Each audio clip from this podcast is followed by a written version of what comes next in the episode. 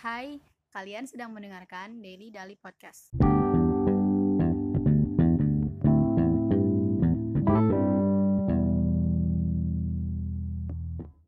Assalamualaikum warahmatullahi wabarakatuh.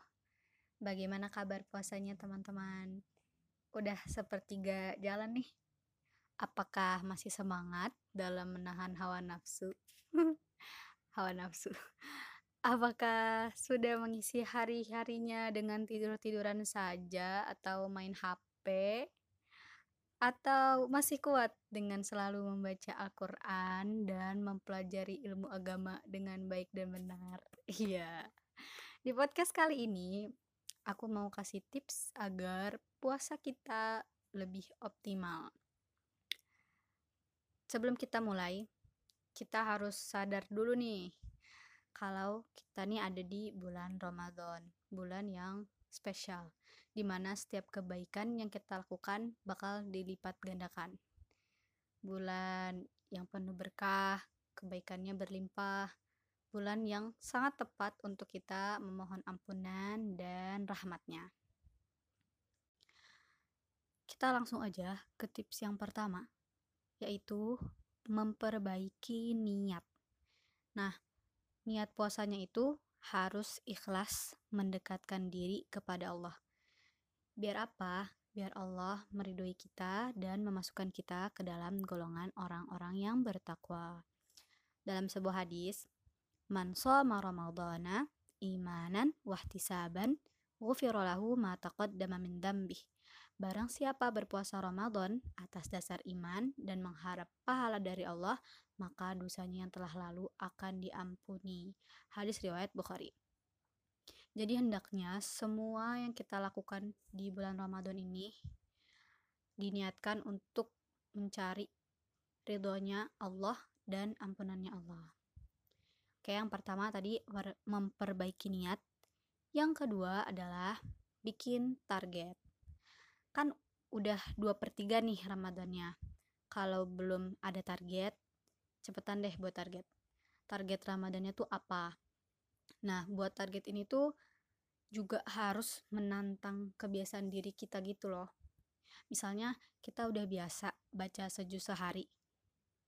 Jadi di Ramadan ini harus naik kuantitasnya. Kuantitas atau kualitas lah. Yang tadinya sejus sehari jadi dua jus sehari atau tiga jus sehari.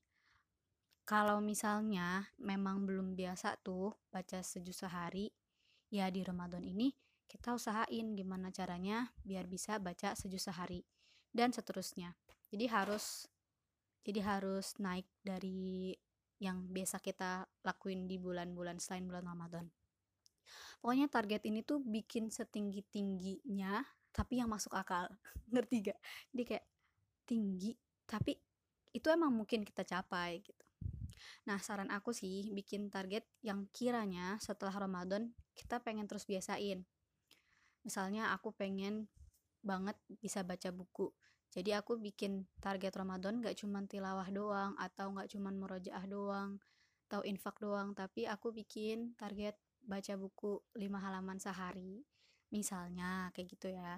Jadi kegiatan kegiatan-kegiatan baik yang kamu pengen yang kalian pengen juga terus dibiasain setelah bulan Ramadan. Nah, kalau udah bikin target nih, targetnya sebisa mungkin detail ya. Abis bikin target target terakhir, target goal sebulan apa, diturunin jadi target per hari.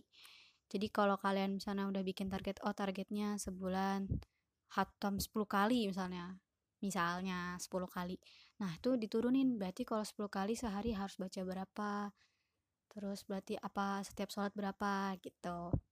Jadi target target secara besar abis itu dikecilin lagi gitu ya. Nah dalam nyusun target ini kita juga usahain biar kurva ibadahnya tuh naik. Kurva ibadahnya tuh maksudnya hari ini misalnya targetnya ngajinya 30 menit. Besok sejam atau besoknya 35 menit. Pokoknya kurvanya naik terus jangan sampai turun. Salah sah tahajudnya dua rakaat besok tetap dua rakaat besoknya lagi empat rakaat. Jangan sampai yang tadinya udah udah sampai 6 ro eh sampai 8 rakaat turun lagi jadi 4 pokoknya diusahain banget deh grafiknya nggak turun terus naik. Nah target tertulis itu bisa jadi pembantu buat jaga kurva ini. Bikin mutabah harian pribadi juga bisa. Jadi kelihatan tuh progresnya oh kemarin aku sedikit sekarang udah naik naik naik naik gitu. Abis bikin target yang ketiga tipsnya adalah hindari penggoda atau perusak amalan puasa.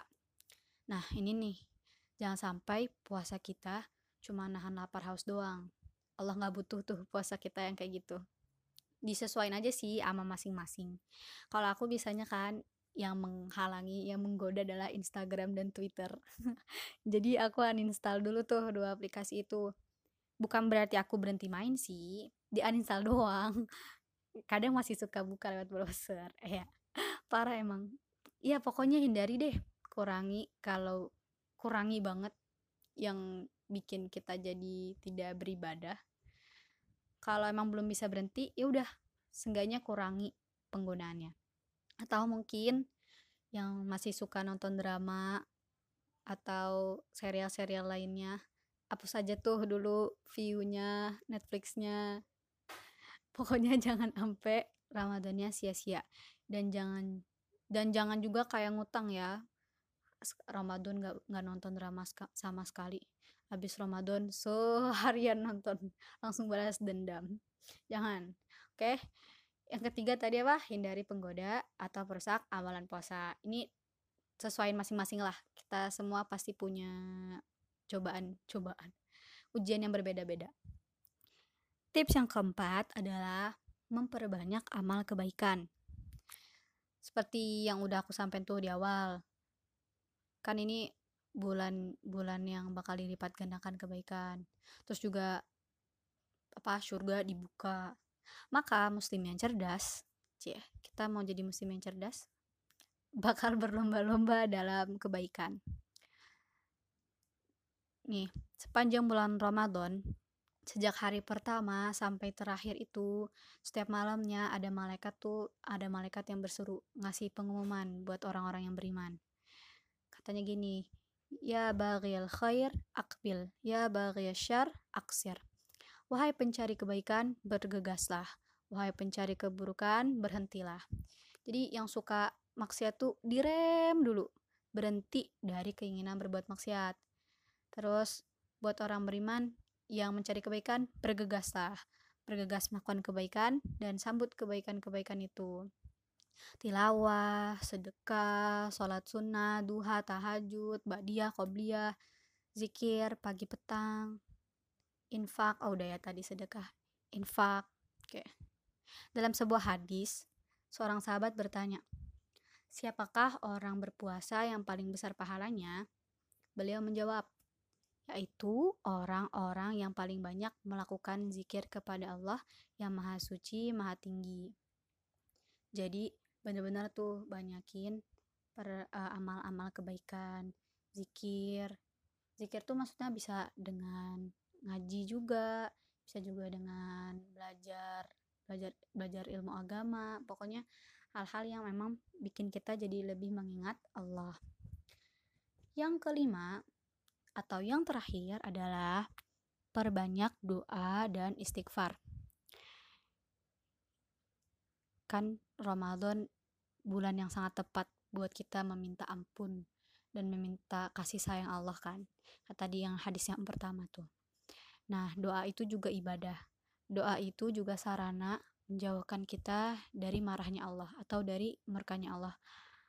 Dalam sebuah hadis disebutkan, sesungguhnya barang siapa yang tidak mau tidak mau meminta kepada Allah, maka Allah akan murka kepadanya.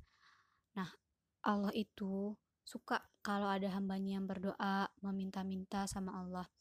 Allah tuh senang. Dan Allah juga Allah tuh rindu banget sama tangisan hambanya yang memohon ampun, yang meminta kebaikan di setiap doanya, di setiap sholatnya. Gitu. Dan Allah bakal malu juga kalau misalnya nggak akan nggak eh Allah bakal malu kalau nggak nggak ngabulin permintaan hambanya kayak gitu. Dari Abu Hurairah radhiyallahu anhu berkata, Rasulullah shallallahu alaihi wasallam bersabda, ada tiga golongan yang tidak ditolak doanya. Orang berpuasa sampai buka, pemimpin yang adil, dan orang yang dizolimi.